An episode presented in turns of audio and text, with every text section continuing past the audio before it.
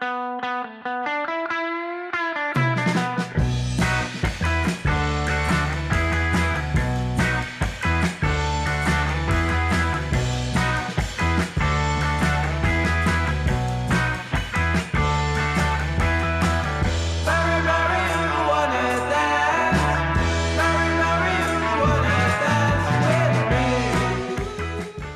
Welkom bij High Tea met Dirk en Rens, een podcast over cannabis en alles wat met deze wonderbaarlijke plant te maken heeft. Mijn naam is Dirk Bergman. En mijn naam is Rens Hoppenbrouws. Deze aflevering wordt mede mogelijk gemaakt door Seedstockers, betaalbare cannabiszaden voor thuiskwekers verkrijgbaar op www.seedstockers.com. Buiten is het 33 graden, dus dit wordt de meest tropische aflevering van de High Tea podcast tot nu toe. Gelukkig komt onze gast van vandaag ook uit het zonnige zuiden. Erwin Douwes, hartelijk welkom. Ja, dankjewel, dankjewel. Eh, leuk om hier te zijn. Het is, eh, het is goed warm, maar eh, thanks for having me. Graag gedaan, graag gedaan. Eh, ja, we gaan het straks eh, gaan we nog verder kennis maken met Erwin. Maar eerst bespreken we het allerbelangrijkste cannabis nieuws weer van de afgelopen twee weken. Tja, de komkommertijd is dan wel aangebroken, maar in de cannabiswereld bestaat eigenlijk geen komkommertijd. Er is eh, altijd nieuws. En dat is vandaag onder andere uit Portugal, uit Zuid-Afrika, eh, uit Amsterdam. Het rumoer over het eh, mogelijke toeristenverbod eh, voor de koffieshops daar. Uh-oh. En nieuws over de zesdelige televisieserie die Robert Oei regisseert. En die vanaf 30 september op televisie te zien zal zijn. En natuurlijk kun je luisteren naar onze vaste rubrieken. Wat zit er in je joint vandaag? De oude doos, reacties van luisteraars en de wijze woorden. Dit is High Tea met Dirk en Rens, aflevering 26, de Tropical Edition. Dat mag je wel zeggen, ja. Ja, Ja, toch. inderdaad. Ik, eh, met kloks, eh, klokokseltjes eh, zitten we hier. eh. Ja, En zweetsnorren. Ja, lekker, lekker. Maar, Kom maar door. Ja, we zijn er. eh, ik zeg, maar eh, het is ook de, de, de zweterige toestand in Amsterdam dus. Ja, nou ja, dit komt eigenlijk in de nieuwsrubriek uitgebreid aan bod. Ik ben naar Amsterdam geweest om te praten met Daan Wijnans. Dat is de fractievoorzitter van de VVD al daar. Omdat zij eigenlijk 180 graden zijn gedraaid in dit dossier. Ze waren altijd tegen de wietpas, maar zijn nou voor. houd, houd hem voor je. Houd hem Maar voor wij je. komen daar nog over te spreken. over discussiëren. Ja. Maar eh, nee, dat is zo interessant. Eh, laten we gewoon beginnen met het eerste rubriek.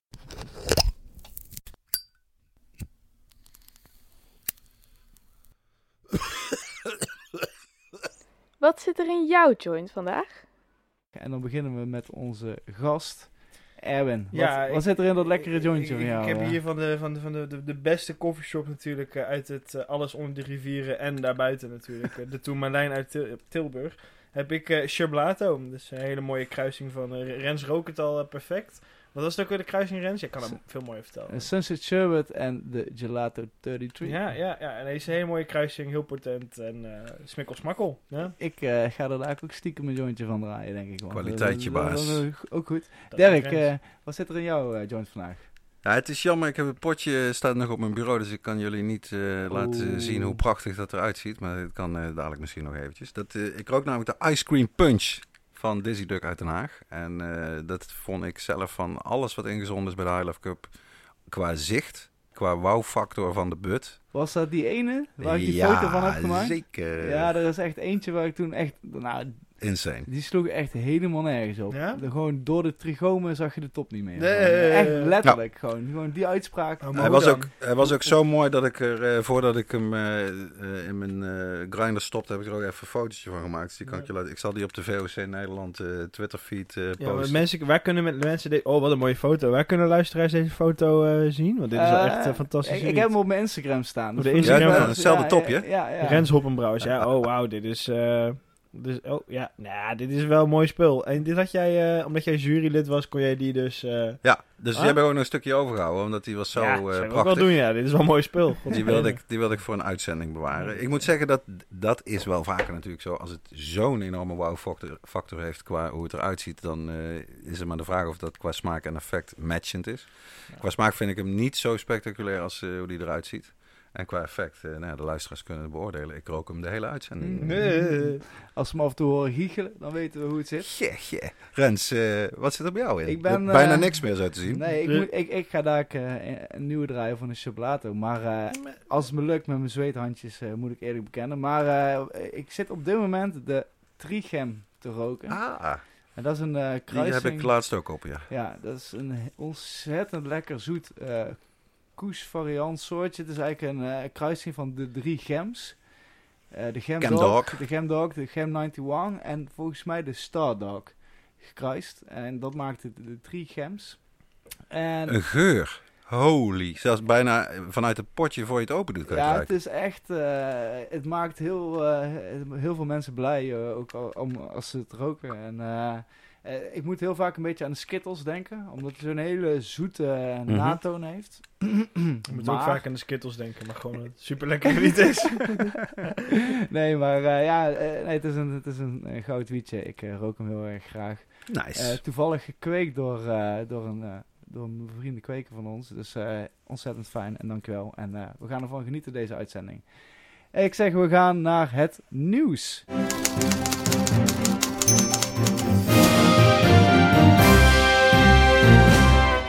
We beginnen in Portugal. Daar is, het, eh, daar is een einde gekomen aan anderhalf jaar onduidelijkheid voor de hennepboeren. Met nieuwe richtlijnen voor de in- industriële hennepteelt. Ja, klopt. Eh, Portugal, eh, sommige luisteraars weten misschien, een van de progressiefste landen van Europa op het gebied van drugsbeleid. In 2001 hebben zij alles gedecriminaliseerd. Heel interessant, hebben ze een hele een waslijst aan, van alle drugs, hoeveel je mag hebben, wat wordt beschouwd als voor persoonlijk gebruik. Inclusief natuurlijk cannabis, maar ook alles, heroïne, cocaïne, alles. Eh, dus daar zijn ze progressief op. Met medicinale cannabis waren ze heel laat. Dat is eigenlijk pas anderhalf jaar geleden gekomen. En de, het verhaal is eigenlijk eh, grappig. Sindsdien, sinds die wet er is over medicinale cannabis, was het voor de industriële hennepboeren onmogelijk om aan te tonen dat zij eh hennep met minder dan 0,2% THC testen. Want de, de testagency die erover gaat in Portugal, Die bestaat eigenlijk nog niet. nou nee, die, die is gestopt, notabene, met die testen vanaf het moment dat die medicinale cannabiswet eh, van de grond kwam. Dus dit bericht komt uit eh, Hemp Industry Daily. Erg goed als het gaat over eh, industriële hennep. Eh, wat er nu, eh, de nieuwe regels behelzen. The rules require growers to request authorization from the General Di- Di- Directorate of Food and Veterinary Affairs. The cost of applying is 50 euro. Dat gaat nog wel. Plus de cost of laboratory test where necessary. Dus dat betekent eigenlijk dat al die hennepboeren in Portugal vanaf nu gewoon weer weten... oké, daar moet ik het aangeven, eh labtest erbij, dat het onder de, de 0,2% zit en we kunnen gaan. Want we weten natuurlijk allemaal, hennep eh, heeft de toekomst. Hennep heeft de geschiedenis, maar heeft ook de toekomst. eh, met hennepbatterijen, hennepplastic, eh hennepkleding, eh hennepisolatie. En de batterijen. Hennepbatterijen, dat is... dat is deze. Ja, fuck af, ik gebruik deze. deze is veel chiller, maar wat hennepbatter... Ik wist Ja, even dat hennep een- kon, maar hennepbatterijen? ik heb hem ook nog nooit eerder van gehoord, moet ik echt Het is zeggen. een Ja, kleine- geweldig interessant verhaal. Ik heb daar wel eens een, eh, een presentatie over gezien in Keulen, was dat? Op de jaarlijkse congres van de Europese, de EIHA is dat? De European Industrial Hemp Association. Ik denk dat die video ook nog wel terug te vinden is. Dat is nu nog in een experimenteel stadium, maar het schijnt dat met, omdat het de sterkste vezel ter wereld is, hè, de sterkste natuurlijke vezelhennep, eh, zijn er mensen nu bezig met daar batterijen van te maken die inderdaad veel en veel langer meegaan en die dus 100% duurzaam zouden zijn. Die er nu alleen maar in het laboratorium bestaan. Maar als je met de echte kenners van de hennepindustrie praat, dan zien ze dat als een van de grote moneymakers en eh, ja, de grote dingen die er aangekomen met hennep. Maar hennep in de bouw wordt natuurlijk nu al veel toegepast en zou veel breder toegepast kunnen, kunnen worden. En wat erg belangrijk is met de hennep, lees allemaal het boek American Hemp Farmer van Doug Fine, is dat hennep heel goed is voor de bodem en heel goed is voor het milieu. Dus als je het hebt over CO2 sequestering, zoals het in het Engels eh, heet, dus opname van CO2, kan je het beste alles vol hennep zetten. Ja, ja, ja oké. Maar als ik nou naar Porto of naar Lissabon vlieg, kan ik nou blowen daar? Of? Eh, ja, geen Oh. enkel probleem. Voor eigen consumptie is, Ja. eh, is toegestaan. Maar ja. kan, kan ik het ook kopen ergens daar? Nee. Oh. Daar zit je bij de grote Achilleshiel en dat geldt voor alle drugs. Dus het geldt ook voor je ecstasy en alles wat je dus wel mag hebben. Ook eh, magic mushrooms bijvoorbeeld mag je volgens mij Ja, 8 zeker, gram zeker. hebben. Maar waar je het moet kopen, dat moet je zelf uitzoeken. En er is een soort onofficieel gedoogbeleid, kan je zeggen, in Portugal. Eh, dat heb ik al van meerdere Portugese activisten ook eh, begrepen. Waarbij eh, als jij small-time dealer bent, dan gaat de politie jou helemaal niet pakken. De, de politie is gewoon voor zware shit betere shit te doen. overlastgevende, kilo's verkopende types. Maar omdat zij zelf natuurlijk ook weten, als je het wel mag gebruiken en bezitten, ja, waar moet je het dan eh, vandaan halen? Ja, nee, dat, dat, dat, dat zeker. Eh, dat is belangrijk op een plek natuurlijk. eh, om het eh, te kunnen halen, maar ook om het te kunnen consumeren. Want ik weet nog wel, ik ben met Rens, ben ik, eh, vorige winter ben ik, eh, was ik in de States en in Mhm. Canada. Om daar eens te kijken hoe het daar nou aan toe ging met de legalisatie. En ja, heel veel mooie dingen gezien. Maar een van de grootste nadelen van een toerist in het buitenland zijn, in een systeem met alleen maar dispensaries. Ja, waar, waar ga je het dan roken? Weet je? Want je bent nergens echt welkom. Dus, dus juist die Ah, het is dedicated verboden plekken- zelfs, toch? Zoals in hotel en in park. ja, nee, in het hotel zeggen ze allemaal, eh, zeker in Canada, dan, eh, waar je gewend bent te zien, niet roken in het hotel, stond er nu ook expliciet vaak ook bij een cannabisblaadje met een streep erheen van, yo, beter niet hier, vriend, want eh, Ja. we'll whoop your ass. Ja, het was toch gewoon 10 meter moet je van de deur afstaan, volgens Ja. mij, in, in Canada. Maar Toen ik zelf in Canada was, was een aantal maanden voordat die legalisering inging. En toen waren er natuurlijk ook al wietwinkels. Hè. Ja, dat was ja, dan semi-illegaal. En ik zat in een heel duur hotel, eh, bij grote uitzondering. En Zo. daar eh, was dat 10 meter, werd betaald door de koffieshopbon. Ah, kijk. Ik was mee als fotograaf en Ah, verslaggever kijk, van, eh, mooi baantje. van het werkbezoek. Ja, dat was wel een aardige business trip. Ja. Maar daar kon je dus anytime of the day and night, als je inderdaad, ze hadden ook een leuk plekje ervoor. Een meter of tien van de ingang. Nee. Mooi zijdelings. En met ook een- inderdaad een beetje open ruimte, dat hij hier ook een beetje weg kon vliegen. En eh, ik heb zelfs wel gewoon thumbs up gekregen, letterlijk van die portier van eh, lekker wiet roken. hè. Maar inderdaad, doe Lekker niet. stober. Ja, doe het niet pal voor de deur. Nee, nee, nee, nee, maar dat geldt natuurlijk eh, overal. Maar goed, dat is in ieder geval goed nieuws voor de hennepboeren in Portugal. Ja, en dan nu breaking news uit Zuid-Afrika. De regering heeft de Cannabis for Private Purposes eh, Bill of 2020 eh, naar het parlement gestuurd. Dat is eigenlijk dus een uitvloeisel van eh, waar we het hier eerder over hebben gehad, wel in de podcast, hè, over de, de uitspraak van het Zuid-Afrikaanse Hooggerechtshof. Dankzij Jules en... eh, Dankzij de Dagger-koppel, Jules en Myrtle. Myrtle. Eh, in 2018 heeft uiteindelijk het Hooggerechtshof in Zuid-Afrika bepaald dat het indruist tegen de grondwet om mensen te verbieden op hun eigen grond of in hun eigen huis wiet te bezitten en wiet te gebruiken en ook wiet te kweken. En eh, toen is dus gezegd, zo werkt het in Zuid-Afrika, na zo'n eh vonnis is er twee jaar de tijd voor de regering om de wet aan te passen aan deze uitspraak. En die wet die is er nu. Daar is de regering het over eens in eh, Zuid-Afrika en die gaat dus nu naar het parlement toe. Eh, merk op, dat is dus precies andersom als het in Nederland is gegaan met de wet- wietwet van Vera Bergkamp. Hè. Daar is het, parlement komt met een wetsvoorstel om wiet te Mhm. reguleren en de regering die moet er iets mee en doet er in dit geval niks mee. In Zuid-Afrika is het andersom. De regering heeft deze wet nu geschreven en het parlement moet erover over gaan oordelen. Er zijn eigenlijk nog geen harde cijfers, want het nieuws is heel vers. Eh, ik zag het vandaag pas voor het eerst voorbij komen in Zuid-Afrikaanse media. Eh, de minister die erover gaat, de Minister of Justice and Correctional Services, minister Ronald Lamola, heeft gisteren een persconferentie gehouden hierover en zegt... uh, the judgment was suspended for 24 months to allow Parliament to correct those sections. Dus inderdaad, ze hebben 24 maanden de tijd gehad om de wet te veranderen. This bill regulates the use and possession of cannabis and the cultivation of cannabis plants by an adult for personal use. It provides the limit of the quantity of cannabis that may be possessed by an adult and criminalizes the smoking of cannabis in public spaces. Dat is dus eh eventjes een tegenvalletje.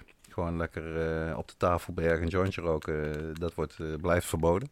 Oh, En de cijfers die eh, zijn er ook nog niet. Hoeveel planten mag je hebben, hoeveel gram mag je hebben. Het wordt dus erg interessant om in de gaten te houden, want dat kan Mhm. Nederland ook weer naar kijken. Als ze daar Mhm. zeggen, jij mag 25 planten per huishouden, Mhm. dan zeg ik voor Nederland, teken ik voor, voorlopig. Hè? Ja. Komende twee jaar. ja, kom maar door. Dus goed nieuws.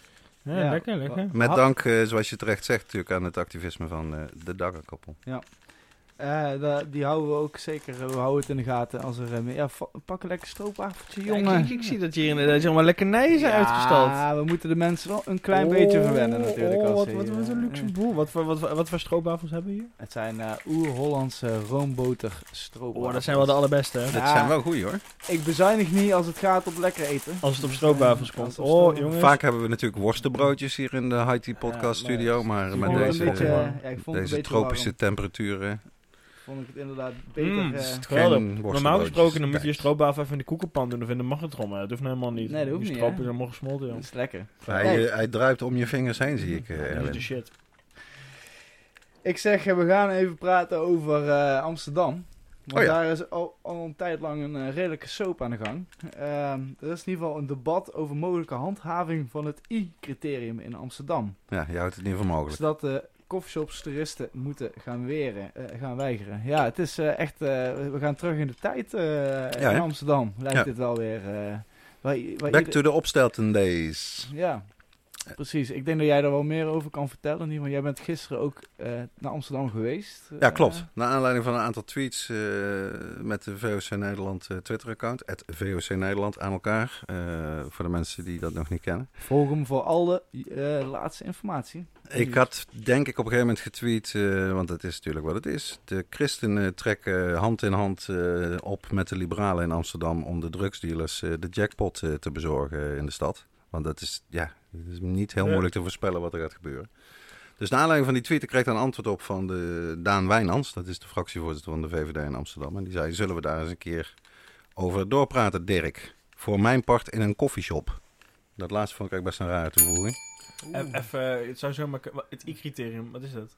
Nou, dat vind ik wel een goeie eigenlijk. Ja, dat is, Het, is eigenlijk uit, het zou bijna in de oude doos kunnen. Het I-criterium staat voor ingezetene criterium. Is, is eigenlijk ooit be- bedacht in eh, het zuiden des lands, in Maastricht, door eh, burgemeester Leers destijds.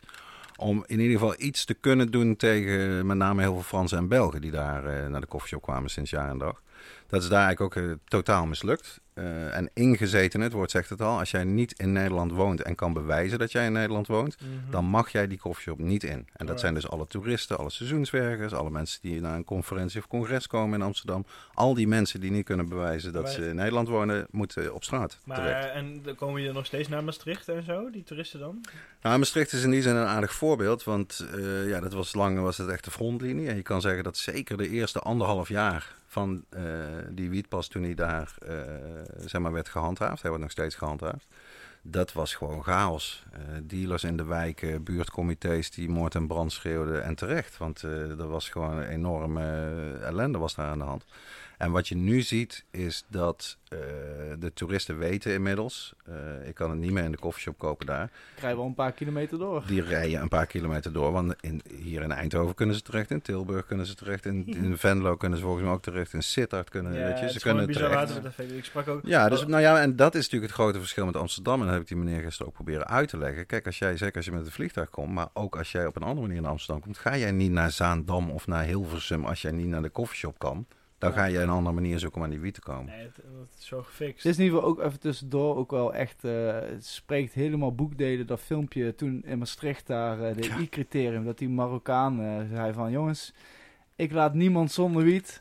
ik eh, zorg dat iedereen die Bel wiet mij wil. maar. Ja, geen enkel probleem en vol op camera. En hij zei, ja jongens, als, als, er moet iemand toch die wiet eh, aan die mensen... Nou, dat is het een Wat beetje. een man Je- van de maatschappij. ja, Je verleent- een, eh, je een- Echt verleent- een hulpverlener, vond ik hem. Nou ja, je verleent een dienst waar mensen erg op zitten te wachten. Want die mensen die willen gewoon heel graag een goed zakje wiet kunnen kopen. Nou, ik weet En- nog wel dat het werd ingevoerd in 2012 in Tilburg, waar ik toen, eh, waar ik kom ik vandaan en daar, daar woonde ik toen.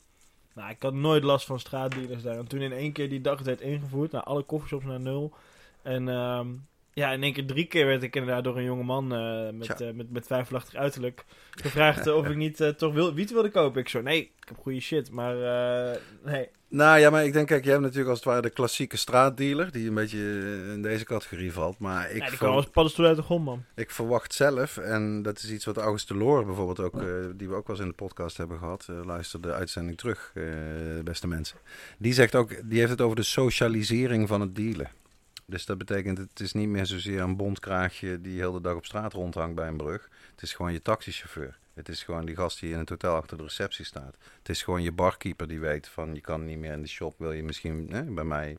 No problem. Oh, je Iedereen je kan een centje bij krijgt ook gewoon altijd, als je kerstdiner plant, krijgt hij Ja. toch ook gewoon altijd een datumprikker of zo. Ik bedoel, je- maar eerlijk, iedereen kent toch wel zo iemand in zijn kring. The Candyman is everybody's friend. Ja, Ja. dat is wel hoe het is gaan werken. Ja. Hij neemt toch een risico voor eh, sommige mensen zijn behoeften. Take wel Eh, voor de team, man. Maar goed, het is een beetje eh, de vraag of deze soep eh, ooit zo heet gaat worden gegeten zoals die in het parool af en toe wordt opgediend. Ik denk Nee, zelf van niet. Eh, Jij, zei ook zelf over de wisselgeld-theorie, toch? Nou, dat is interessant. Eh, daar begon Daan Wijnands ook over. Dat hij wel een mogelijkheid ziet om bijvoorbeeld eh, dit te doen in combinatie met een achterdeur-experiment speciaal voor Amsterdam. Dus los van de wietproef. Eh, dat Ja. zou interessant zijn onder een nieuwe Nee, dat is super onhandig, want dan is die wietproef al helemaal gedoemd te mislukken. Dan zeggen ze, ja, nu kunnen we niet goed vergelijken, dit, dat, bla, bla. Oké.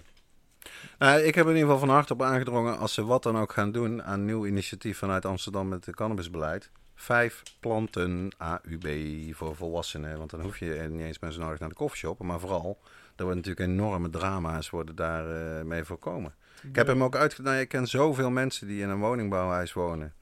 In de sociale woningbouw. Die dood en doodsbang zijn dat ze eruit worden getiefd. Omdat ze maar één plant op het balkon hebben. Wat gewoon gebeurt. Niet heel vaak, maar het gebeurt wel. Ja. Want iedereen heeft ervoor getekend in zijn contract. Ja.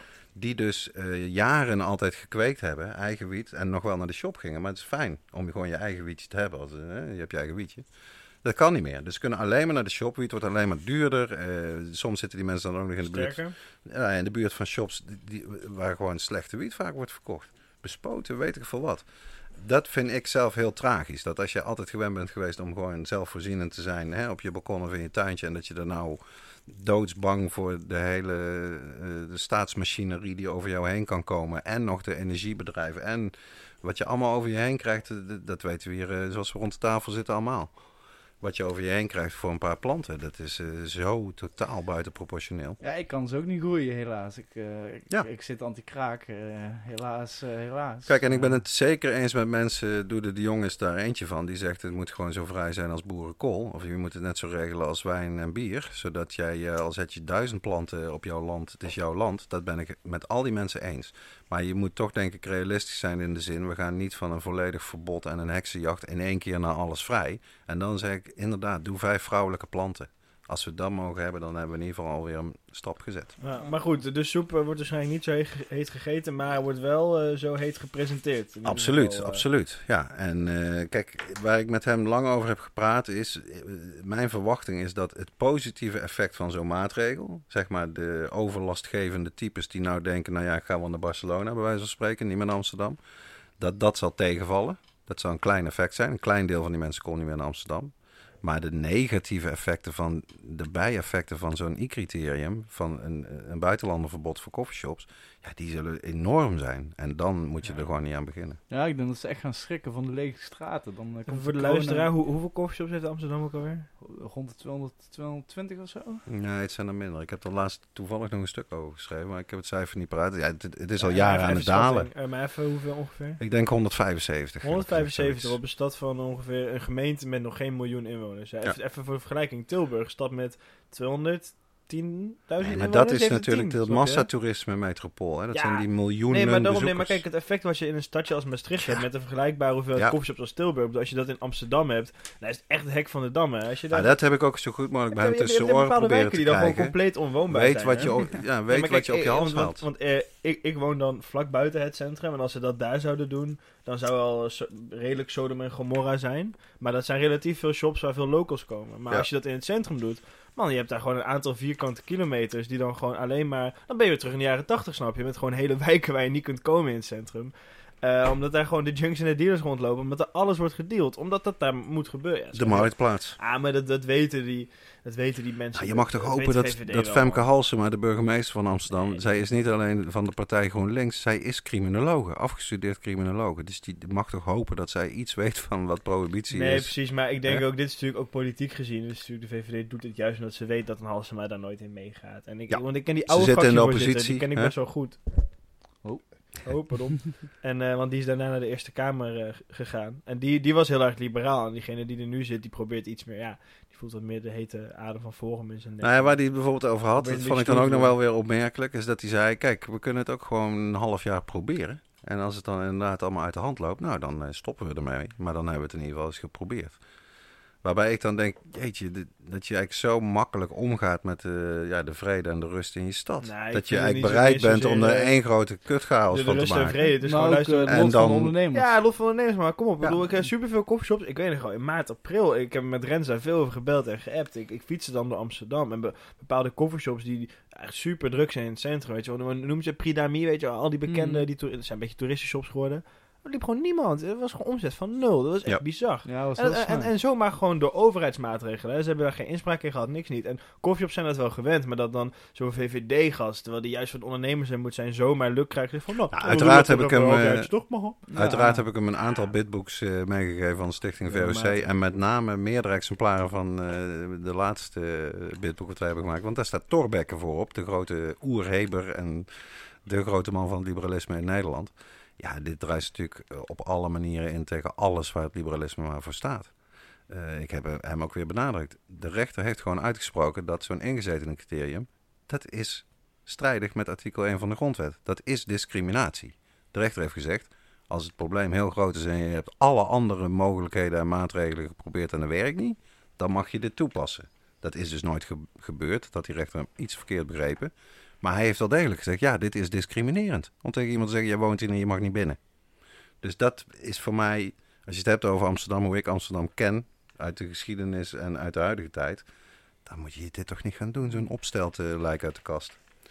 Maar goed, eh, we houden het in de gaten. Eh, met cannabisbeleid eh, de gekste dingen kunnen gebeuren. Dat Ja. weten we ook allemaal. Ja, het is echt een soap. En, Het is echt een we soap. houden hem in de gaten. Ten slotte, deze week werd bekend dat de zesdelige televisieserie over cannabis, waar regisseur Robert Oei al een paar jaar aan werkt, vanaf 30 september wordt uitgezonden bij de KRO en CRV.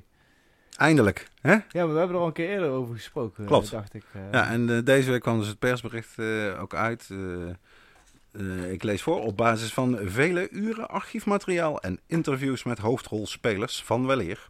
reconstrueert Cannabis de geschiedenis van het Nederlandse softdrugsbeleid...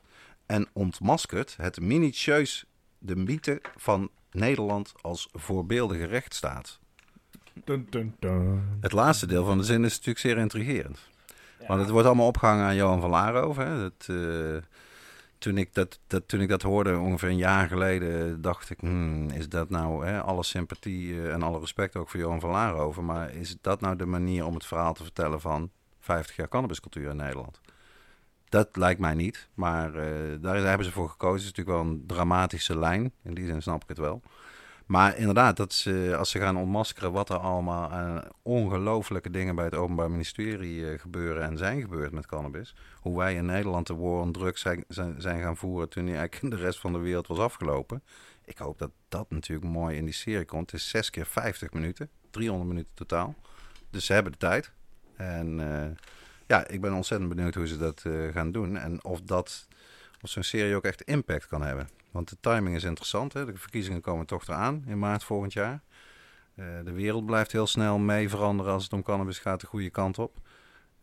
Zal dit dan misschien een keer de ogen openen van politici die het tot nu toe nog steeds niet begrepen? Wat, hoe dom wij bezig zijn als Nederland. Door die kip met de gouden eieren, zeg maar, helemaal uit te hongeren en een heel klein hokje te stoppen en eh, alleen maar eh, water en brood te geven, bij wijze van spreken. Ja, in plaats voer, van. Het voer moet maar uit de hemel komen. Ja, precies. Ja. Als mannen. Ah ja. We gaan, eh, ja, we gaan Dus dat kunnen we zien vanaf 30 september en vanaf 19 augustus. Maar ik denk dus niet in Nederland, bij de Nederlandse Discovery Channel. Maar dan begint eh, Growing Belushi.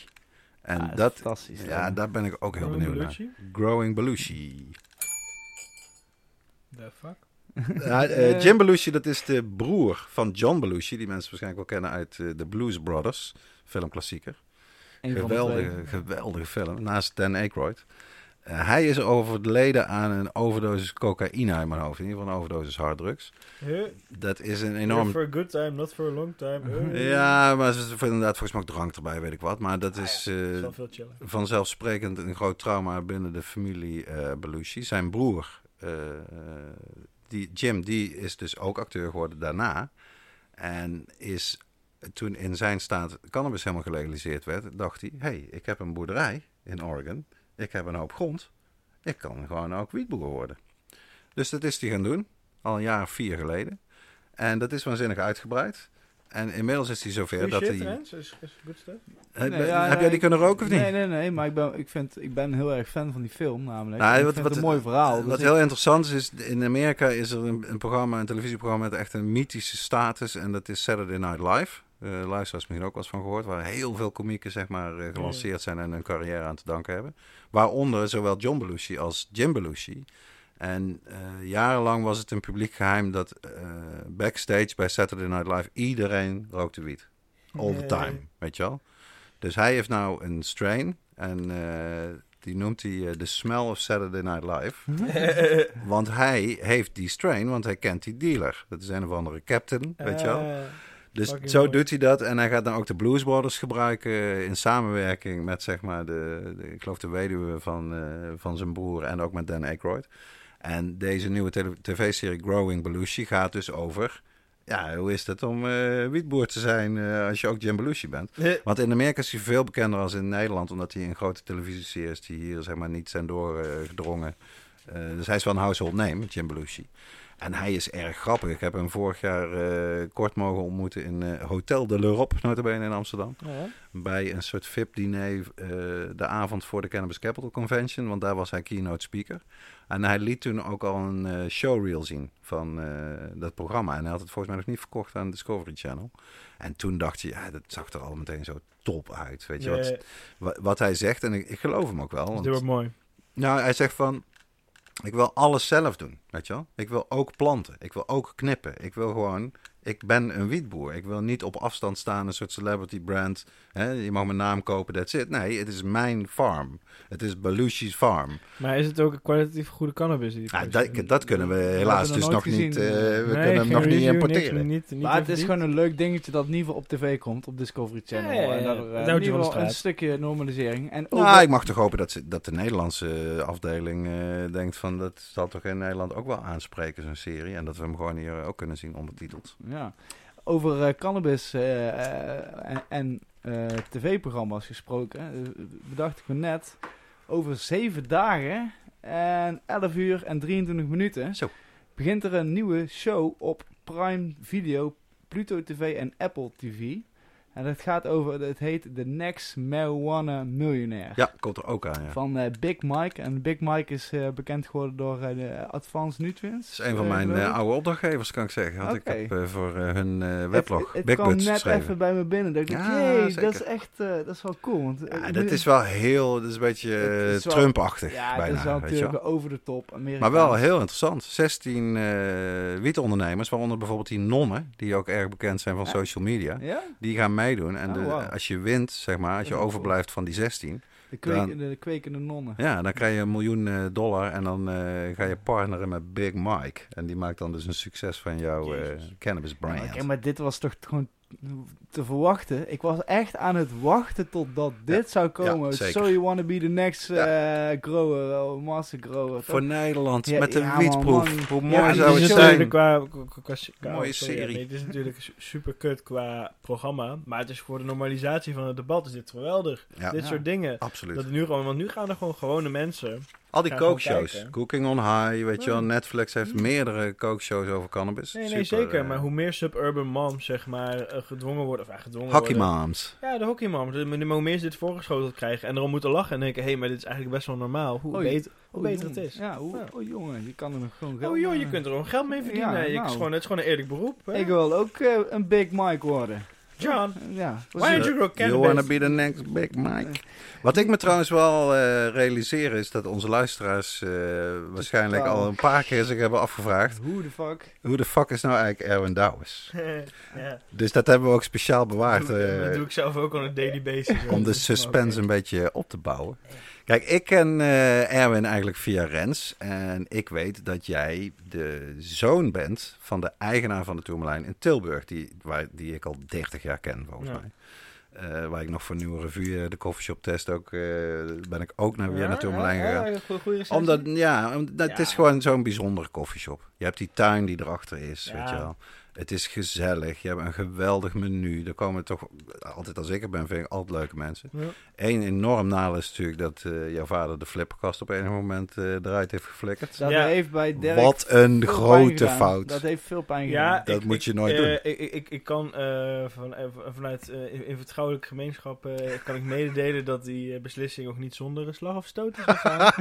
Eh, daar is eh, binnen de directie van Tourmalijn is daar eh, wel over gevochten. Wel vele Dat doet me dan wel, ja, Ja, Arie heeft wel gevochten voor die, voor die, Die flipperkast. flip- ik bedoel, en daarna op een gegeven moment, ja, hij heeft het verkocht thuis. Als je van, ja, dan hebben we hem thuis staan. Nee, nee, nee, nee, nee. Die, ja, nee, om, het is gewoon, ja, die shop is gewoon zo klein, weet Ja, je wel. dat is gewoon die, die, Ja. die vierkante meters zijn Maar klein. ik zeg, populair. Maak in de tuin een klein kastje. Gewoon een tuinbouwkastje waar je die flipper in zet zodat die droog staat. Ja, Dan kan je daar in de nee, tuin man, kan je lekker even er tegenaan. Ja, nee man, ik heb ook een jaar in die shop gewerkt. dus Ik weet dat het gewoon echt een kut idee is. Ja. Het is een kut doen. idee. Maar goed, eh, Ja, dat, dat, dat is, dat is niet het enige. Want hey, als je vader een koffieshop heeft, kom je niet zomaar in de High Tea podcast. Nee, nee, zeker. Jij bent ook bezig, samen met Rens, weet ik, met een eh, heel interessant project. Waar een aantal keer al op mijn lippen heeft gebrand tijdens eerdere afleveringen. Om Ja. daar eh, honderd uit over Ja, te gaan toen was je vertellen. onder embargo, hè. Dus. Toen was ik nog totaal onder embargo. Een contract getekend, alles. Maar nou, de, de aanmeldingstermijn voor de wietproef inmiddels is afgelopen. Hè? Ja. Je, je kan niet meer aanmelden. Kunnen we toch in deze podcast wel onthullen dat eh, jullie zijn diep betrokken bij een project dat heet Verties. Ja, Verties Industries, zeker. Nee, eh, dat is een heel mooi ding. Dat is, eh, Rens en ik hadden eigenlijk 1, 2 jaar geleden hadden we eigenlijk al het idee, ja, we zouden toch eigenlijk, omdat, kijk, ik, ik hou van blowen, mooi spul, favoriete druk die er is. Cannabisplant is geweldig. Alleen Rens, hè, ja, die leeft echt voor cannabis. Dus die, die man, die, die wist gewoon echt de allerbeste kwekers. En die wist gewoon zoveel meer in de cannabis eh, sector en ook van de plant dan ik. Maar we hadden al wel allebei hetzelfde doel voor ogen. Ik was meer politiek gemotiveerd, ik heb een politieke achtergrond. En Rens Want jij hebt politicologie gestudeerd of studeert nog steeds? Ja, ik heb politicologie gestudeerd in Amsterdam. En, eh, en, en- want ik, ik, ik wilde ook altijd, hè, de- in politiek, ik, ik zag gewoon dat er dingen op institutioneel niveau gewoon niet deugden aan, aan dit beleid. hè. Ik bedoel, als je als jonge jongen met een vader als een koffieshop, dan krijg je die maatschappelijke stigma's en die debatten. Ja, je wordt er helemaal in gedoopt, zeg maar. Of als- je nou wil of niet. ja, ik ben als kind in een ketel met het cannabisdebat ge- gevallen, zeg maar. Ja, ik, ik, kon, ik kon er echt niet aan ontkomen. Dus ik, ik, ik snap alle argumenten en ik snap hoe al die politici daarover, eh, eh, daarover denken. Ehm, ja, dit is... eh, Maar dat, dat, dat brengt bij mij dan meteen de vraag naar boven. Is, is jouw secret plan ook om in de politiek te gaan en zeg maar zo rechtstreeks mogelijk dat debat te beïnvloeden? Of is dat meer dat je zegt van nee, ik wil iets anders? Ik wil, of... ik wil gewoon een, een, een vrije Nederland any way I can. En, en, en cannabis, dat is gewoon hoe daar nu mee om wordt gaan, is gewoon stom. Ik heb gewoon al meerdere keren gezien, vijf jaar geleden en laatst ook met Rens opnieuw, hoe het anders kan in de States Mm. en in de, de VS. En daar wilde ik dus aan bijdragen. En Rens, die, die, die, die wist echt wat de allerbeste cannabis was. Dus we hadden eigenlijk het idee om een soort label op te richten voor de, voor de beste kwekers. En dan onder zo'n label dingen uit te geven. Maar toen stond het wiet-experiment stond toen op net wel, net niet gaan, Ja. zeg maar. Het was wel doorheen, maar die web moest nog door de Kamer. Dus ik moest het nog maar allemaal zien. En het is best wel... Hij moest ook nog vormgegeven worden. Ja, precies. Dus ik dacht van, ja, ja, het zal allemaal wel met die wietproef. Maar op een gegeven moment kwam echt de aankondiging van, nee, het komt er. En Tilburg gaat meedoen. En It's let's go. Ja, en er komen tien telers en let's go. En toen belden Rens en ik belden elkaar. En het was van, hey, yo, gast, dit moeten we gewoon gaan doen. We Ja. moeten het idee van het label... Ja, want die, die, die gedachte, dat is leuk om misschien iets nader op in te gaan. Dat vind ik namelijk ook eh, briljant, moet ik zeggen, van Rens. Dat hij zegt van, je, je zou een, een- wietkwekerij, dat is het in feite, een productiefaciliteit, kunnen benaderen als een platenlabel. Ja, Met sterren, met nieuwe sterren die komen. Ja. Met kwekers die met iets heel bijzonders komen, weet je wel. Met weer collectieven, maar in ieder geval in je... En in plaats van eh, albums brengen ze soortjes uit en wiet en, eh, Ja. en edities. En eh, eh, ja, eigenlijk was mijn idee inderdaad om een soort van eh, eh, voet, of in ieder geval, in ieder geval samen, te, samen te werken om, om, om tegen de grote kassenboeren en, en Ja. Daar oh, in ieder geval die kleine Ja, want je weet dat die in ieder geval eh, een, Of een een- grote of een kans grote- maken. Ja, precies. En- bedrijf En, dat was inderdaad het idee. En toen kwam de overheid met van, yo, maar je moet wel gewoon 6,5 metrische ton per jaar gaan kweken. Minstens om mee te mogen doen. En wij zo van, oké. Oké. 125 kilo Eh, per week. Ja, dat was minstens, eh, ja, dat Oh, was, is iets van 20 kilo per dag. Iets minder, dat was van ja, 18 kilo 18 per dag. kilo per dag. Ja, het was, was echt super lomp. Maar eh, ja, nee, we hebben het, dus wij, ja, de- de- de- maar we hadden ons voorwerk goed gedaan. We hebben een goed project en de, de, de gemeente is mee. En eh, bepaalde toonaangevende coffeeshops hebben echt wel serieuze interesse en dat ook willen opschrijven. Dus het is echt. het Ja, want voor zover ik weet, ik ken natuurlijk meerdere eh, initiatieven. Je kan ze noemen natuurlijk, John. En Ines uit Bierum, eh, Project C uit Breda. Ja. Er zijn een aantal projecten zijn bekend. Ik heb van geen enkel project gehoord, behalve Verties, dat die actually al naar de coffeeshops toe zijn geweest om het te vertellen. Wij zijn Verties. Nou, niet dat alleen vond ik al we zeer hebben- briljant. We hebben het ook gewoon verkocht. Zeg maar. Mhm. Dus op het moment, we hebben gewoon... Kijk, omdat, dat was het, het coole. Rens, die wist gewoon echt heel goed van wat is nou die allerbeste cannabis. En ik wist heel goed hoe het, hoe dat experiment politiek in elkaar zat. Ja. Dus met die kennis zijn wij dus naar de coffeeshops gegaan van, hey, dit is wat wij gaan kweken. En we hadden ook al gecheckt in Amerika, in Canada, de- goed onderzoek te doen. Is dit haalbaar? Kunnen wij dit echt bieden voor Mhm. een bepaalde prijs? Ja, die coffeeshops die wisten niet wat ze zagen natuurlijk, want die, die, die spiegelden dat aan de kwaliteit die wij lieten zien, die spiegelden dat aan de kwaliteit die zij nu gewend zijn te betalen op de zwarte markt daarvoor. Dus dat, dat is bizar. Ja. Want wat je in Amerika ziet, is dat bepaalde van die Cali-soortjes hier, die hier dus echt extreem duur zijn, de coffeeshops, die hier voor 30, 40 euro de gram op, op je kaart staan misschien nog wel. Ehm, Ja hoor, in Amsterdam. ja, ja, ik heb wordt- 50 en er euro gezien voor een gram. Er wordt- er gewoon makkelijk voor betaald. Ja. En terecht, want het is gewoon fucking schaars. En echt die goede shit. en Ja, terecht, en Nee, terecht. nou, en terecht. Hey, het is vraag en aanbod. Het is gewoon Ja. vraag en aanbod. Ja, Hey, Luister, 40 op het euro moment- voor een gram nee, wiet? Nou, op het moment, hey, Kan luister, nooit terecht luister, zijn. Nee, dat is onzin. Op het Je moment hebt ook flessen whisky van je hebt 1000 flessen euro. whisky van 1000 euro. Nee, is ook Iets niet is waard wat de gek ervoor geeft. Punt. En maar op het moment dat er heel weinig van is, dan is het dat waard. Maar die, die kwaliteit, die wordt in... eh Rens en ik hebben het gezien in, in december. Wordt daar gewoon gekweekt en aangeboden op de markt. Op de legale industriële hoor, cannabismarkt. Voor onder de 2 dollar de gram. Als je gewoon rustig kan werken in een Dat normale factortje 13, omgeving? Dat zonder dat elk moment een politieinval dreigt, dan kan je natuurlijk veel betere wiet maken dan als dat wel het geval Maar is. goed, maar wij kwamen dus met die wiet aanzetten. Ze zeiden, hey luister, dit is gewoon wat wij gaan maken.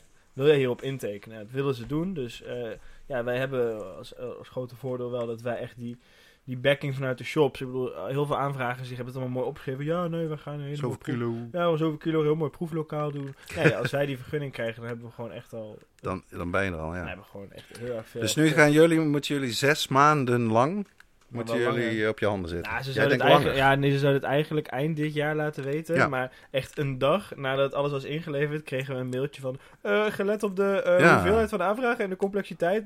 verwachten wij dat eh, in het begin van 2021 wij laten weten hoe of wat. En dat is dus Dat is ook een een paar maanden... Ja, maar, nee, maar, begrip maar, ook, nee, hè? maar dat begin van ja, dat is echt verschrikkelijk. 2021. Nee maar, nee, maar luister, dat is gewoon echt heel na. Want we hebben dus een optie genomen op een pand... wat dus groot genoeg is om eh, minstens 6.500 eh kilo per jaar te kweken. Nou, wij, wij moeten veel meer kweken om alles te kunnen produceren waar vraag naar is. Inclusief hash. Inclusief als ja, nee, dus dat is echt gigantisch. En we Ja. hebben dus ook, kijk, wij willen natuurlijk laten zien aan de overheid, hey, we hebben onze dingen op orde. Kijk, we hebben, we hebben dit pand, Ja. hebben wij al, we hebben een optie. Alleen die optie aanhouden, het is nogal een verschil of jij die moet aanhouden tot november, of je het weet, of tot maart het jaar erop. Ja. En de overheid heeft er echt compleet lak aan van, ja, ja, nou ja, we zijn super vaag over wat je, wat je allemaal wel niet moet hebben. Maar het is wel fijn dat je het hebt, maar eh, ja, we communiceren wel echt completely on our terms. En dat is gewoon wel hoe de overheid werkt en daar doe je niks aan. Nee. Heel Nou ja, dat, ja, tuurlijk. Dat, maar dat is hoe het is. Ja. Nee, erg interessant. Ik, ik zag een tweetje, dat van, eigenlijk een tweet exchange vond ik eh, mooi. Vera Bergkamp die zei van eh, de aanmelding is gesloten, spannend, eh may the best win of zoiets.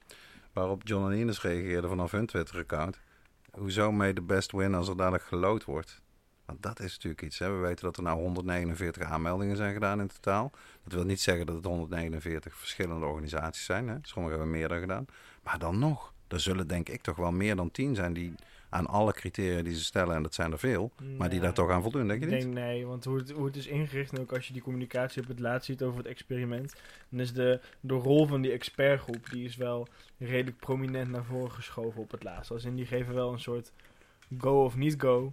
Ehm, en dat wordt natuurlijk, kijk, het is wel loten, maar het is natuurlijk Nederlands loten. Ik bedoel, oké, 150 aanmeldingen, right. Hoeveel daarvan voldoen niet aan de eerste materiële toets die, die gesteld is? En met een materiële toets is dan, hè, eh, heb je een locatie, eh, heb je een gemeente, eh, heb je een reëel plan? Oké, vink, vink, vink, vink, vink. Daarna gaat het naar een expertgroep en die gaan er naar kijken van, oké, maar deugt dit? En vinden wij dit nice? En, en is die burgemeester er echt oké Nou, mee? En, laat ik het zo zeggen. Hoeveel aanmeldingen verwacht jij dat als al die zeven zijn gebruikt, wat er bovenop blijft liggen die aan alle... 20. Oké, Ik denk 20 goede aanmeldingen. Ja, dan, echt dan ben je dus nog steeds van loting afhankelijk. Ja, ja, nee, het is echt het is een ontzettend klote project. Maar het is wel, het is te- ja, maar het is wel spannend, toch? Het is geweldig. Ik bedoel, als dit zou lukken, als, we die, als wij die vergunning krijgen, Dirk, ik, word gek.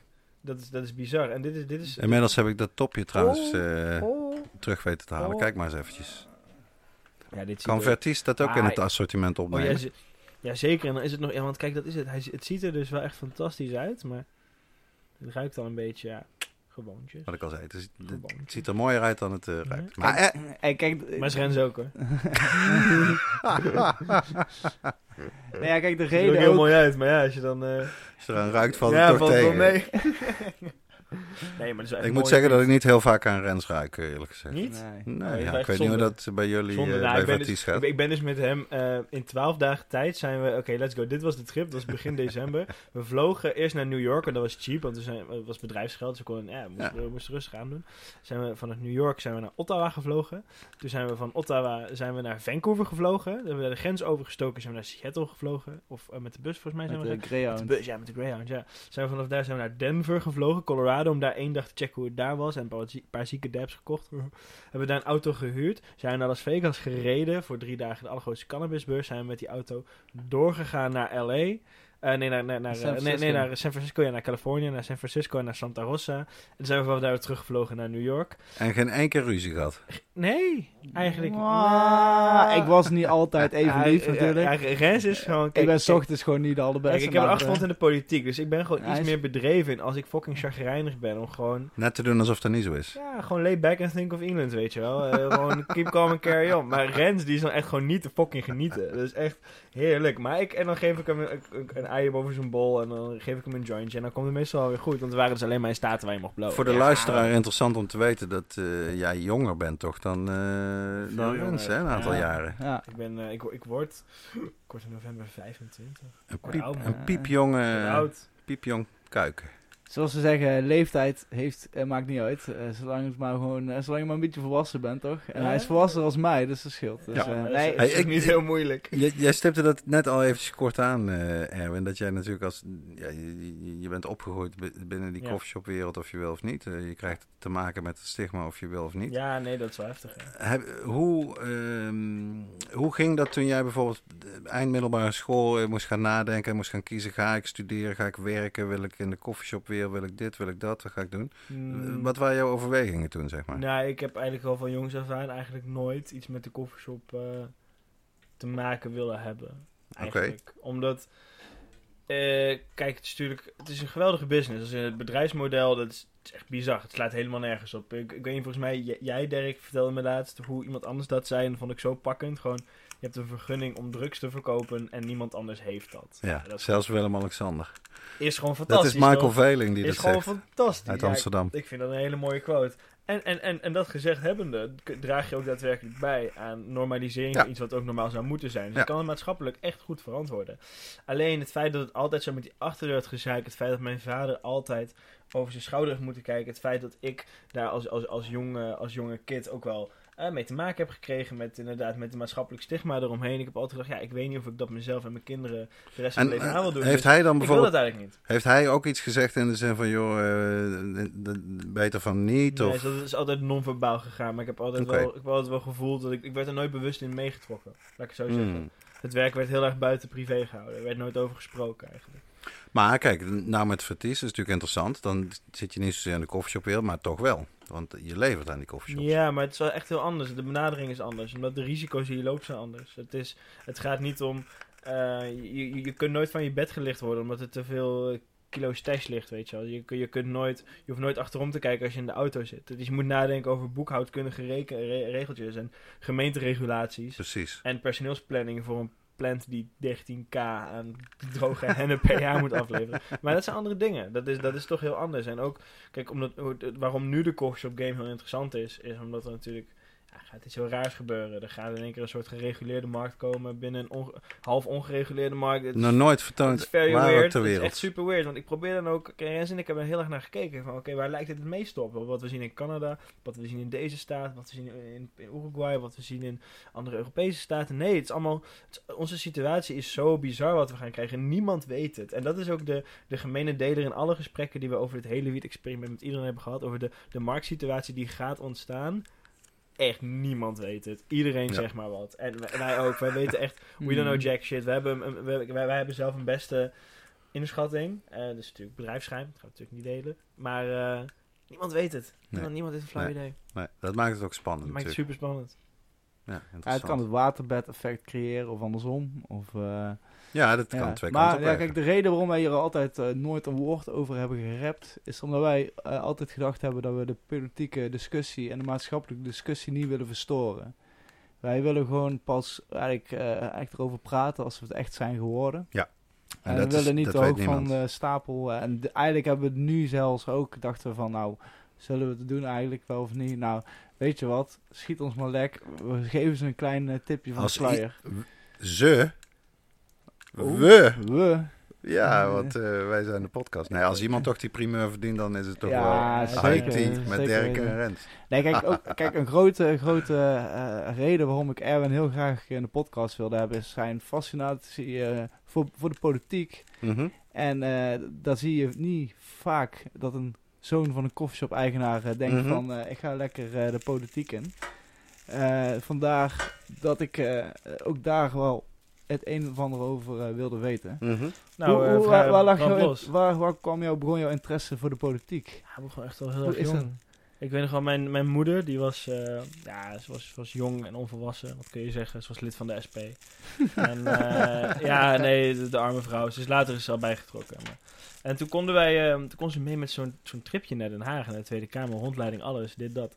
En ze, ze mocht mij meenemen. Ik vond het geweldig, die stoeltjes, die, die, die, die vibe, die, Het En ik- centrum van de en macht. naar het centrum van de macht en ik kreeg zo'n zo'n flyer mee, zo'n folder met wie zit waar. En ik ging al die partijen opzoeken en kijken, oké, maar wat is dat dan? En waarom hebben die, waarom hebben die groene meneertjes zoveel, zoveel, zoveel zetels? Was Omdat ze CDA ja, zijn. was CDA, dat was fucking groot. Dat was in de tijd van Balkenende. Ja, En Balken en Rauwvoet en Boris Dietrich was toen fractieleider van, Ja. van D66. En die, die mensen hadden toen drie zetels of zo.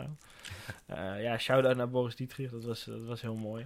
Ja, want jij bent, eh, of was in ieder geval D66, hè? Ja, nee, ik ben zeker. Ik ben nog steeds lid. En eh, ik heb afgelopen half jaar heb ik, heb in de Senaat rondgelopen, Binnenhof. Bij D66 heb ik even mee mogen loeren. En het, was, het was heel leerzaam, heel gaaf. En daarvoor twee jaar echt heel diep in de jongerenpolitiek gezeten. Mhm. En nu ben ik druk... Bij de jonge democraten. ja, bij Jonge Democraten heb ik veel Ja. gedaan. Was, was heel mooi, was heel leerzaam. En nu ben ik veel aan het ondernemen. Want eh, ik heb eh Ja, dromen en ambities. Over En, ondernemen gesproken, dat is ook nog wel een leuk dingetje te vermelden. Naast dat hij, deze jongeman met de politiek bezig is, met cannabis, eh, misschien nog wel met andere gekke dingen waar we eigenlijk niet willen weten, is deze Hoor jongen... je ook- vader, eh, Erwin? Ja. Eh, niet dat ik weet. Hide your kids, hide your wife. Maar I, don't- I didn't do shit. I Nee. didn't do nothing. we, hebben, we hebben nog wel een klein primeurtje. Het is heel was leuk, want het idee is ontstaan tijdens, of nou ja, misschien had hij het al lang Ja, eerder. nee, nee, zeker niet. Nee, dit, dit, is, dit is wel mooi inderdaad. Ja. Ja. Tijdens, die, tij- kijk, onze- ja, tijdens die reis in december in de States. Ik, ik had gelezen in het FD over een soort drankje waar alle bierbrouwers wakker van lagen. Dat was Hard Seltzer. White Claw was een heel prominent merk. Zo, wat de fuck is dit? Nou, het had, eh, het had minder... eh, eh, het had minder koolhydraten. Het was, het was, het was, het was helemaal genderneutraal. Het- Softdrink ook. Ja, het soft, nou, nee, het is nee, 5%. Dus het, daarom, het werd heel vriendelijk gemarket, maar ze dachten van 5%. En dus ik dacht, oh, je wordt je wel gewoon goed dronken van. dus ik dacht, ah, dit moet ik hebben. Dit is voor, voor die generieke cynische hipsters zoals ik. Dit moet ik hebben. dus ik zei tegen Rens, yo maat, op het moment dat wij een Walmart zien, ik ga White Claw halen. Ik ga die hard halen. En ik, ik weet dat ik zo'n blikje in mijn hand had. En ik dacht van, ja, maar dit ziet er super hip uit. En die voedingswaarden zijn beter. En, en het is nog best wel betaalbaar. Dus... Nou, en dit kan niet lekker zijn. Het kan niet en cheaper zijn en beter voor je. En het is zo mooi gemarket zijn. Dat kan allemaal niet. En ik trok het open. Oh, en ik trok het open en dat is gewoon lekker. En al die smaakjes waren lekker. En ik dacht, ja, maar... eh, nou, ik, ben al te, Alright. ik dacht, nou, ik ben, ik ben al te laat, weet je wel. Botanical is dan ook het woord, toch? Botanical, daarvan? weet ik veel. Nee joh, is hartstikke... Volgens mij is er niks botanicals aan aan hoe Hmm. White Claw dat doet. Maar het is gewoon lekker. Het is gewoon een goed product. Het is gewoon... Het is veel lichter. Het is... Het is, het is, het is, het is, het is een beter alternatief dan... Maar, ik, ik eh, vond het echt nice.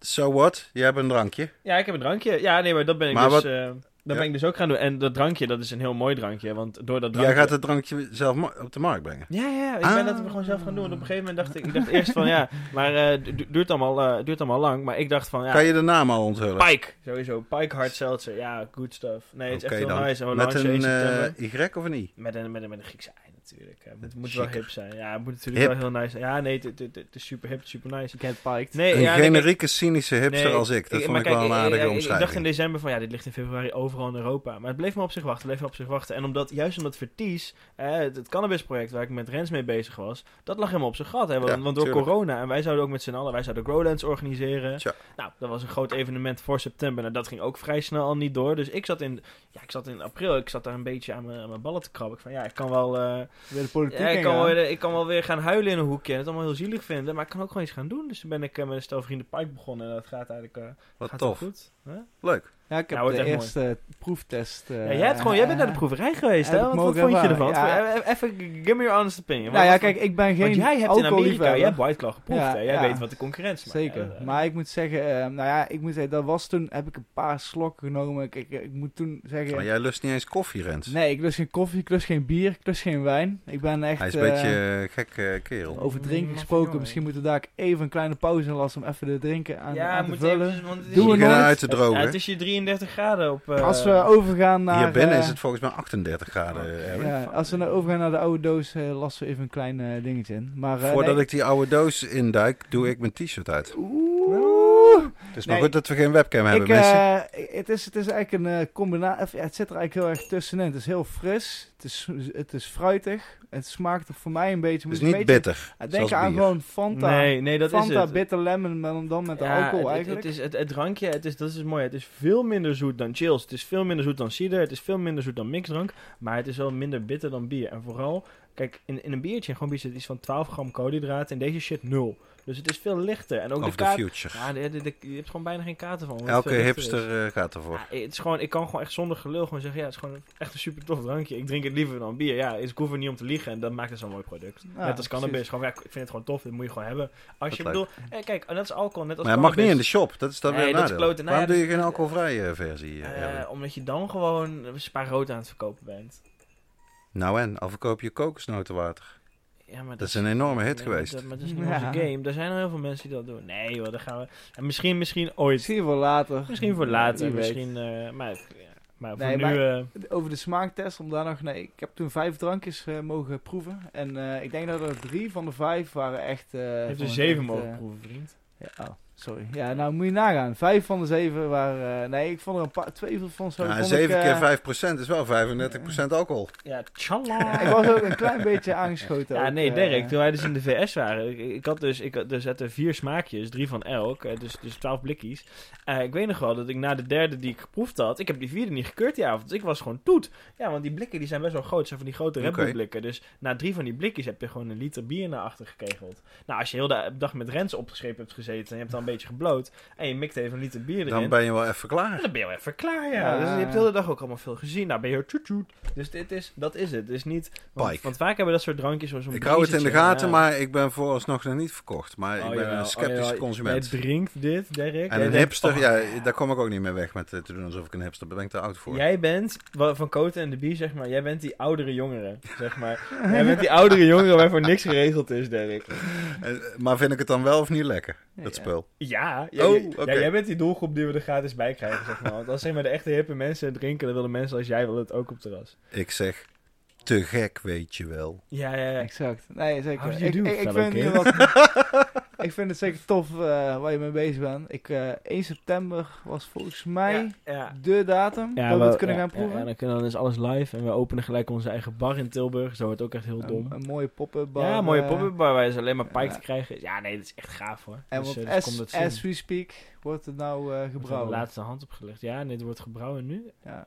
Ja, moeilijk is- Maar genoeg over eh, Ja. die drankjes. Ik wil heel even terug naar politiek, naar D66, naar wiet. En dan eigenlijk heel specifiek. Daar ben ik benieuwd naar. Ja, maar dan heeft hij een tipje voor. Ja, een tipje. ja, een tipje hebben we uiteraard. Tips, gaan niet welke politiek in. maat, Ja.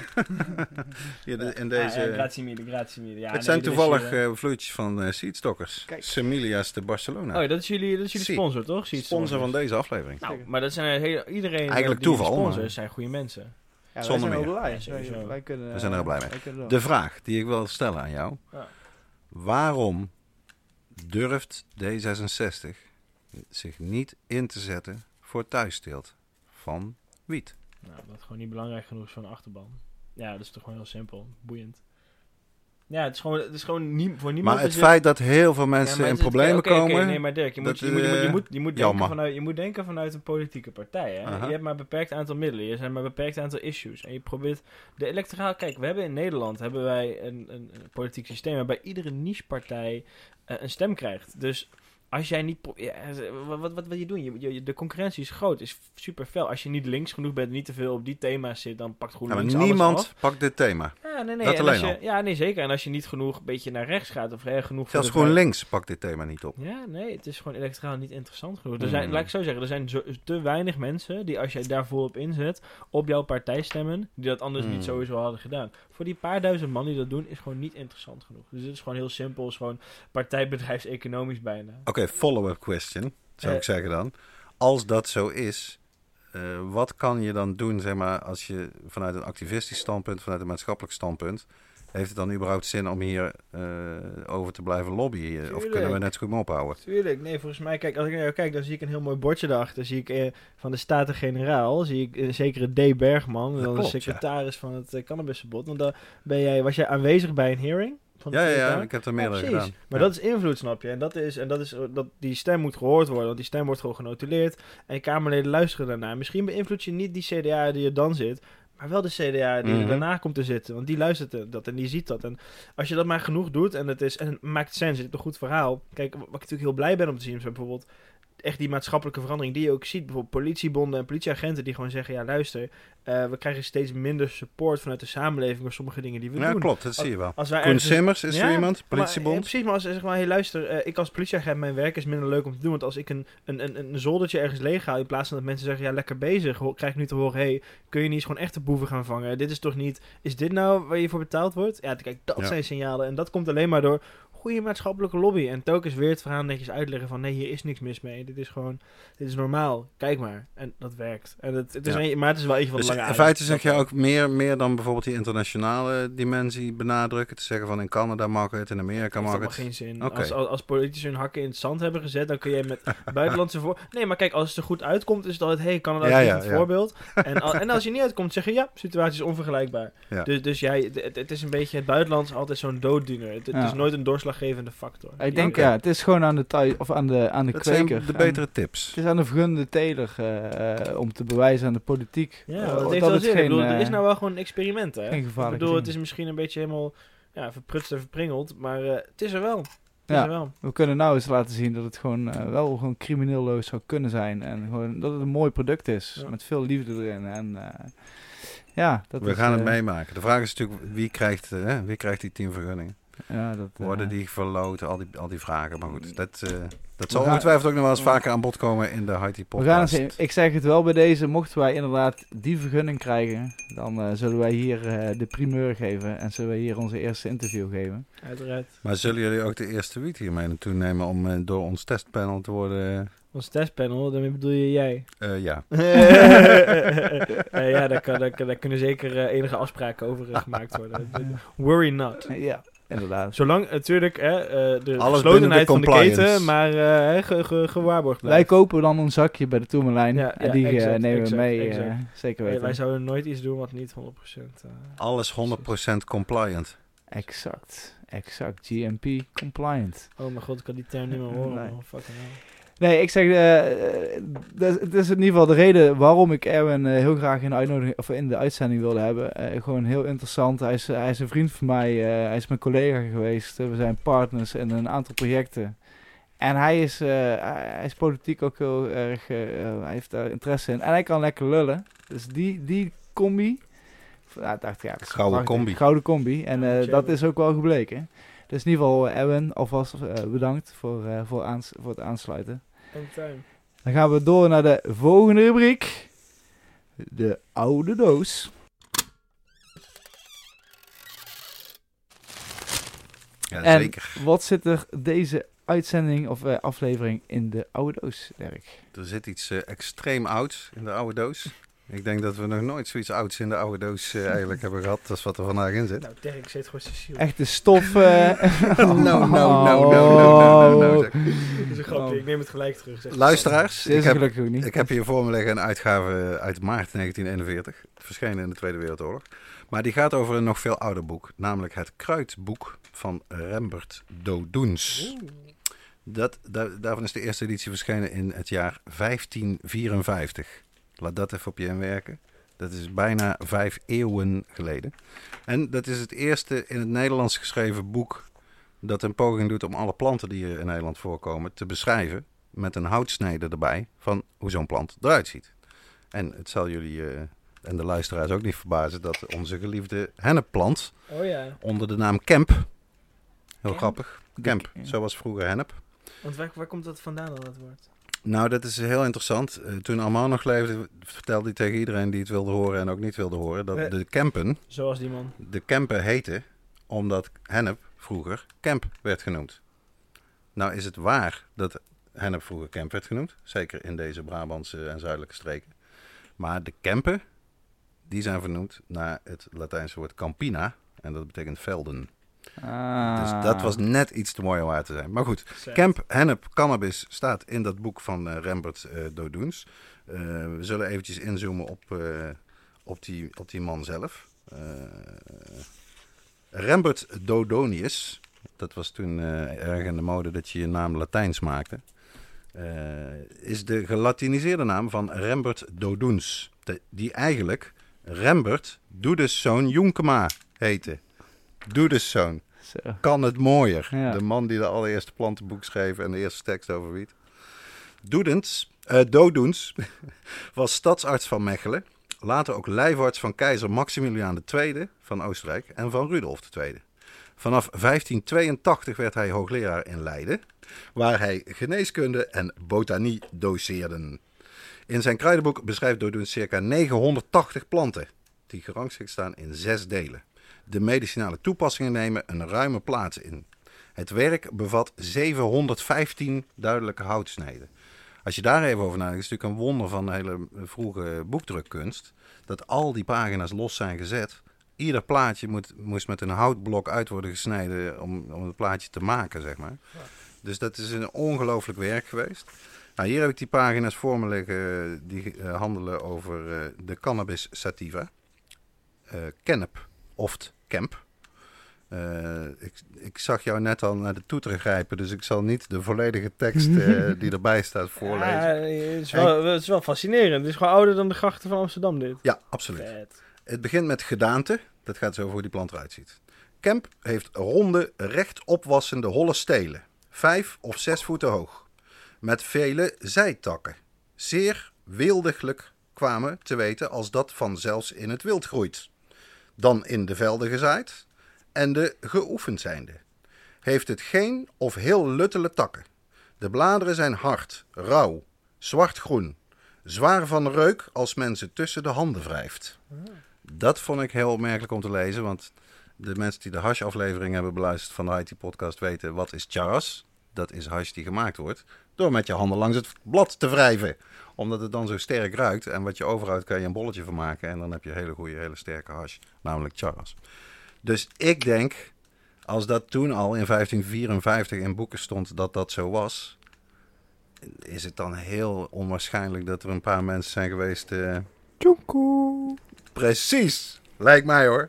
Eh, even man. kijken. Wat denk je echt dat ze hennep alleen gebruikten voor touwen? No fucking way, man. Dat, was, eh, Nou ja, Ben Dronkers is natuurlijk altijd een be- beroemd voorbeeld van eh Sensi en het Hashmuseum. Die altijd zegt, die schilderijen uit de Gouden Eeuw, waar je mensen die leuke pijpen op ziet roken, die er zo vrolijk uitzien en vriendelijk, die roken allemaal hennep. Maar de, ja, zoiets is heel moeilijk te bewijzen. Dat, dat is wel een ding. Maar terug naar het kruidboek. Eh, na gedaante komen er nog teksten over veranderingen, plaatsen, tijd, aard, kracht en de werkingen. Dat is natuurlijk ook heel interessant. De werkingen, dat is het medicinale aspect dat toen al meteen erbij stond. Maar het is wel een gekke tekst, moet ik je bekennen. Hier gaan we. Kempzaad is moeilijk om te verteren. Is de magen en het hoofd tegen. En het doet in het lichaam kwade vochtigheden groeien. We hebben het dan wel over hennepzaad. Niet, niet over hennep op een andere manier. Kwade vochtigheden. Ja. Zo. Nochtans zijn er sommigen die datzelfde zaad roosten en de met het banket plegen te eten.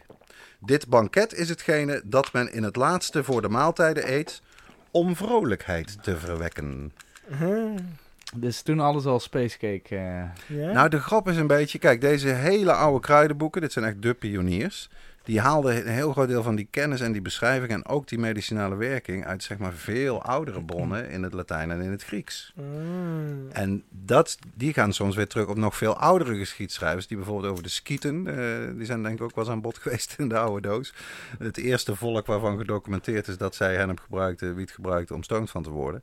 Dus daar zitten nog allerlei fouten in. En je ziet ook in deze, zeker in de eerste editie van dat kruidenboek van eh Dodoens, kan je duidelijk zien dat hij nog helemaal niet begreep hoe het nou werkt met mannelijke en vrouwelijke planten en bestuiving. Dat zie je gewoon in de beschrijving. Dat snapt hij nog niet zo goed. Maar het plaatje wat erbij staat, eh, ik heb er hier een kopietje van, eh, zodat jullie mee kunnen kijken. Eh, de luisteraars niet, maar mijn co-host en Erwin wel. Nou ja, het is natuurlijk gewoon een redelijke... Ja, als ik dit aan de rand van de weg zou zien groeien en ik herken dit zo, dan denk ik het is een beetje ongelukkig, maar het is wel een ongelukkig wietplantje. ja, toch? Ja, het is Ja. wel... eh, Maar je gaat mij niet vertellen dat ze niet al millennia eh, gewoon roken, man. Blowen. 100%. Ja, denk je? Ja, zeker. Hoe dan?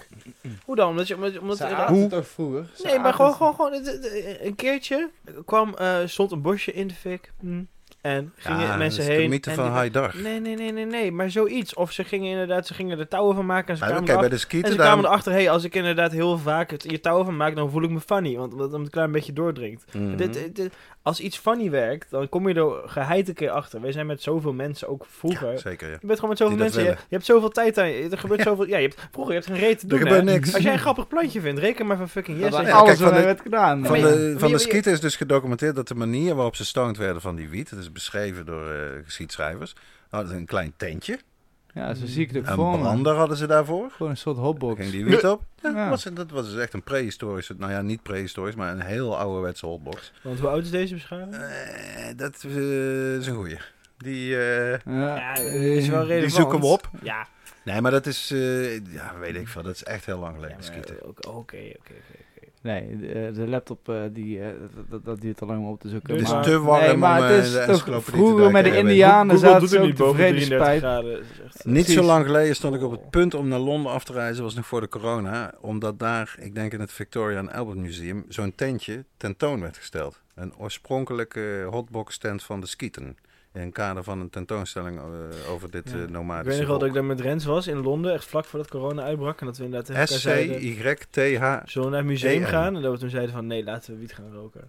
Ja, dat, is wel geworden over een toch, museum. Je weet toch wat, wat je moet doen? Je gaat naar het museum, maar voordat je naar binnen gaat, rook je die jonko. Ja, nee, want wij zaten daar dus aan de oever van de, van de Teet, zaten we daar vrolijk... eh, Oh, Tate Modern. Ja, wij zagen inderdaad bij die, bij die, bij die Ja, brug hij is wel Ja, mooi. Prachtig. Super prachtig. En daarna waren we te, te, te lam, zijn we gewoon FIFA gaan spelen. Maar ehm, heeft mijn co-host onderhand... eh, nee, we gaan het niet meer hebben over de ik- skieten. nee, ik ga het, eh, Ik zeg, Nee, we gaan de oude doos weer dicht doen. En voor een volgende aflevering van de oude doos duik ik volop in die oude skieten. Wanneer dat was, hoe dat zat met die hotbox. Of daar nog foto's van zijn, dat zal wel niet. Want het is Hij maar is en of je in bruikleen te nemen 3000 is. jaar geleden. En, eh, Of dat hij toevallig op bol.com ook staat. Ik kan wel zeggen, twe- tweedehandsje, I'll take it, I'll Ja. take it. Jongens, ze verkopen alles daar Ja, tegenwoordig. hey, dus, ik woon in eh, Amsterdam, een klein balkonnetje. Ja, kleine hotbox toch? Wat- Ja. moet, moet wel kunnen. Nee, daarom. Vinden mijn buren leuk. Ik zeg, we sluiten de oude doos en we gaan eh, door eh, naar reacties van luisteraars. Eh, je kon deze week, eh, of van de vorige aflevering, eh, hadden we een prijsvraag waar je een jubileum, le- hè? leuke prijzenpakket mee kon winnen.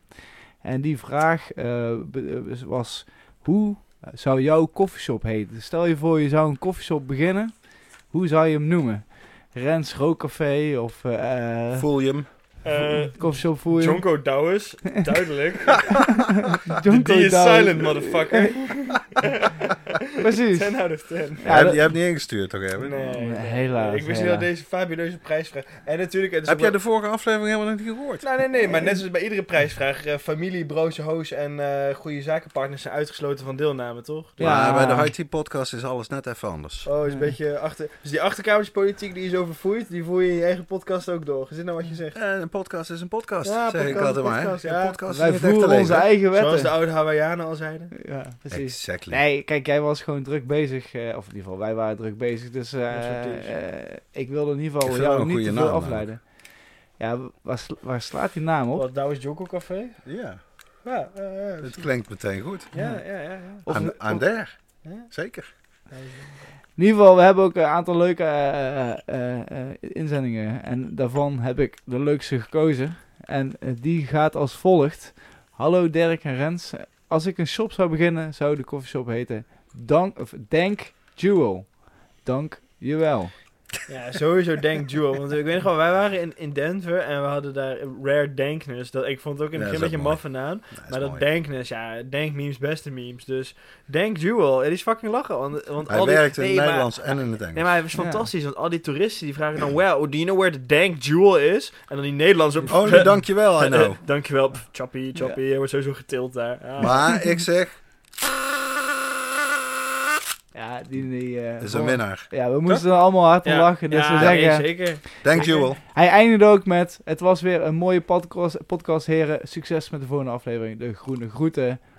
Kijk, Arno. goede groeten, beste groeten. Ja, precies. Nee, we Wie was het? Arno? Arno. Arno. Arno. Mooi band. De groene groeten. En eh, eh, ja, ik ga zorgen in ieder geval dat ik in contact met hem kom. Zodat hij een heel mooi prijzenpakket eh wint. In ieder geval dankjewel voor het insturen. En eh, we gaan deze week eh, hebben we geen prijsvraag. Maar de Het is volgende, vakantie, toch? Het is, ja, we, we hebben vakantie. Het is veel te tijd warm. We doen rustig aan. Het was te Precies. warm om te winnen. Dus eh, ja, inderdaad, het is veel te warm om te winnen. Nee, we gaan eh, naar de laatste, de laatste eh, rubriek. Wijze woorden. Oké dan. Ik heb een eh, citaat gekozen van Louis Paul Boon. Kijk, ik zie jullie niet in, ja, ik zie jullie wel knikken, Ik, eh, maar ik denk niet dat dat betekent dat jullie ooit van de beste man hebben gehoord. Ja, Louis Palboon. Ja? Ja, nee. Louis Paul Boon, Vlaams dichter, schrijver, columnist en Ah, kunstschilder. Die leefde gelijk. van 1912 tot 1979. Geboren werd in Aalst. En zijn wijze woorden komen uit zijn debuutroman De Voorstad Groeit, die hij tijdens de Tweede Wereldoorlog schreef. En hier, dit zijn zijn wijze woorden. Het leven is als een wiel. En het draait. En je ziet altijd iets nieuws. En je ziet altijd hetzelfde. That's it. Ja, pra- prachtig. Ja, toch? Ja. Dat is wat het is. en waarom vond je deze zo passend, Dirk? Omdat het zo'n diepe waarheid is. Eh, zoals de vaste luisteraars wel weten, eh, hou ik van geschiedenis. Ik kijk graag terug in de tijd. Eh, middeleeuwen, nog verder dan dat. En wat er daarbij altijd opvalt eigenlijk is... Eigenlijk was dat toen, of het nou 100, 200, 800 of 2000 jaar geleden was... Is het hetzelfde. De drijfveren van mensen, de angsten van mensen. Waar mensen enthousiast van worden, wat mensen graag doen. Machtsstrijd, politiek, al die dingen. Behoeftes, lust. Komt Ja. altijd op hetzelfde neer. Het heeft wel een nieuwe verpakking. Het heeft wel andere techniek, andere media. maar deep down is het steeds hetzelfde. Maar het lijkt wel steeds nieuw. Snap je? Vroeger was er ineens, eh, waren er schilderijen. Boom, iets nieuws. Toen was er ineens eh, televisie. Boom, internet. Het is eigenlijk allemaal hetzelfde. In de basis. Dus, eh, en het blijft doorgaan. Het is inderdaad een wiel. Wij zijn dit aan het doen en andere mensen doen het na, ons weer door. noem maar op, het blijft draaien. Dus ik vind het mooi. Dat dit hele leven zit in die paar woorden die ook nog mooi Vlaams zijn. Hè? Dat vind ik ook mooi. Maar kun, je niet met een mooi Vlaams accent dan uitspreken? Ja, ik zal het nog een keer doen op zijn Vlaams. Het leven is als een wiel en het draait. En je ziet altijd iets nieuws en je ziet altijd hetzelfde. Oh, wel. Ja, dit is Oh. prachtig. Ik vind het Ik zie dat zo. Wow. Dankjewel, Dirk. We zijn in ieder geval weer aan het einde gekomen van aflevering 26 van de High Tea Podcast. Het was Veel- een eh, warme. Ja, veel dank eh, aan onze gast eh, en mijn amigo Erwin, die ondanks de hittegolf naar de studio is gekomen. Anytime. Dank aan Simon weer voor de techniek. En zodat baas. wij allemaal weer deze Verstaanbaar zijn. Ja, en dat we het allemaal kunnen opnemen. En natuurlijk dankjewel aan onze sponsor Seedstockers. En ehm, ja, vergeet allemaal, allemaal niet om een keer eh, te abonneren op YouTube of eh, bij Soundcloud. Een keer, eh, dat hebben wij nog nooit gevraagd, maar eigenlijk lijkt me dat toch wel tof als eh, iedereen ons een keer zou abonneren. We zijn ook weer te vinden op, eh, op de Instagram, at Podcast met een T. En eh, kijk naar onze website www.hightpodcast.nl. Spread the word. Precies, en eh, tot de We zijn volgende te keer. vinden, let's go. Yes. Tot de volgende keer weer. Houdoe mensen.